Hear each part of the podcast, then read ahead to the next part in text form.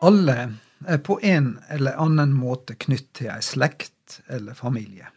Familierelasjoner kan være så forskjellige, fra å være nære og gode til fjerne eller mindre gode, ja, kanskje til og med bråtne. Bibelordet fra første Peters brev vi skal lese i dag, handler om Guds familie. De hører sammen i ei tru, ei ånd og ett håp, og har én Herre. Denne åndelige familien er en viktig del av identiteten til en kristen. Vi leser fra 1. Peters brev kapittel 2, 1-12 i Jesu navn. Legg derfor av all vondskap, svik og hykleri, misunning og baktale, og lengta som nyfødde barn etter den reine åndelige mjølka som ordet er, så de kan vekse ved den til frelse.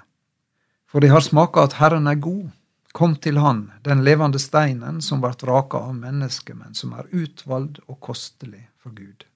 Vær det òg levende steinar, bli oppbygde til et åndelig hus, til et heilagt presteskap, og bær fram åndelige offer, som Gud tek imot med glede ved Jesus Kristus. For det heiter i Skrifta, Sjå, jeg legg på Sion en hjørnestein, utvald og kostelig. Den som trur på Han, skal ikke bli til skamme. Så blir han til ære for dykk som trur, men for de som ikke trur, har steinen bygningsmennene vraka blitt hjørnestein, en snublestein og et berg til fall. Fordi de ikke var lydige mot ordet, snubla de. Slik var det òg fastsett at det skulle gå dei. Men det er ei utvalgt ett, et kongelig presteskap, ett heilagt folk, et folk som Gud har vunnet så de kan forkynne Hans storverk, Han som kaller deg fra mørket og inn i sitt underfulle lys. Det som ikke før var ett folk, er nå Guds folk. Det som ikke før fann miskunn, har nå funnet miskunn. Amen. Her blir kristne kalla Guds folk og et åndelig hus. Det viser til Det gamle testamentets tempel i Jerusalem. Der, i det høgheilage, bak steinblokken og bak forhenget, over paktkista, hvilte Guds nærvær. Restene etter tempelet kan ennå sjåast i Jerusalem den dag i dag. Men at Jesus kom, endra alt. Guds folk blir sammenligna med et byggverk, grunnlagt og samla ved trua på den spesielle og kostelige hjørnesteinen. Det er Jesus Kristus. Han blir i disse versa vi las kalla levende stein, fordi han hadde Guds ånd i seg. Han var åndelig levende. Bildet forteller at Jesus er sjølve grunnen til at Gud kunne skape seg ett folk av feilende og syndige mennesker. Ei Jesus-slekt som vart vist nåde og gjort åndelig levende ved trua på Jesus. Ved denne trua har familien blitt Guds familie. Ved denne trua har syndere blitt Guds familie, og i dette folket hviler Guds nærvær på en særlig måte i verden i dag. Det høres både eksklusivt og lukka ut når det er snakk om et utvalgt folk, og det å bli kalla Guds folk eller familie. Men alle kan bli med. Som syndige mennesker er vi alle utafor Guds familie, men ved å stole på Han, den levende hjørnesteinen, ved å ha tillit til at Jesu død og oppståde sona for våre synder, skjer nådens under. Ved tru vert syndere levende steiner, åndelig levende, fødde på nytt til en ny identitet, inn i Guds folk og familie. Og vi las invitasjonene til oss alle i dag. Kom til Han, den levende steinen. Kom betyr å be Jesus komme inn i livet, og legge på Han all synd og skam, og ta imot Han i våre liv. Å smake og se at Herren er god, skjer nettopp ved å komme til Gud i Jesu navn og oppleve ufortjent kjærleik, tilgivning og oppreisning.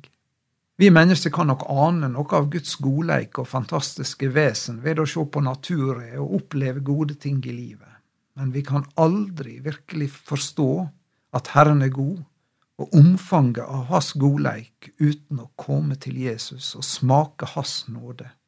Du er hermed invitert til å smake og se at Herren er god. Guds familie er et mangfold av personlige dommer og forskjellig bakgrunn og etnisitet. Det viser seg i mange menigheter, trossamfunn og uttrykksformer verden over.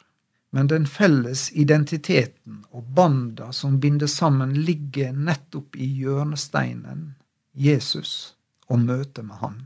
Opplevinga av å være sett fri fra synda sine dystre konsekvenser for våre liv og evighet, til fellesskap med Gud og hverandre, det er det som binder sammen. Framfor alt og over alt annet er dette familiebanda som utgjør den kristne enhet, og så tross alle former og uttrykk og forskjellige typer samlinger, viser at det er ei familie. I Det gamle testamentet måtte øverstepresten være mellommann mellom folket og den hellige Gud. Men i det nye Åndens hus har Jesus ved sitt offer åpna vei til Gud for alle som tror. Rensa vi Jesu offer, har vi alle blitt hellige og fått ei tjeneste for Gud og for hverandre. Det er stort og ærefullt å være et Guds barn, og det er stort og ærefullt å bli kalla et kongelig presteskap. Og vi har fått ei tjeneste. I sum er denne tjenesta å forkynne og ære Guds herlige navn ved å vitne om Hans storverk, om Jesus, som kaller oss fra ei vond og mørke framtid inn i sitt lys. Denne tjenesta, vitnetjenesta, er et åndelig takkoffer fra de som har smaka at Herren er god. Slik blir Guds tempel, eller Guds familie, større. Her ligger drivkrafta til misjon, til at en kristen ikke bare kan leve for seg sjøl, men bærer på et brennende ønske om at flere skal få smake og sjå at Herren er god. Da er det ei stor glede at vi er med i ei stor misjonstid i verden, der vi særlig er kalla til å gå til folkeslag og områder og mennesker som ikke har hørt at Herren er god. Og enda er det slik i verden at mange ikke kjenner Jesus og hans nåde. Det er vårt kall og vårt oppdrag.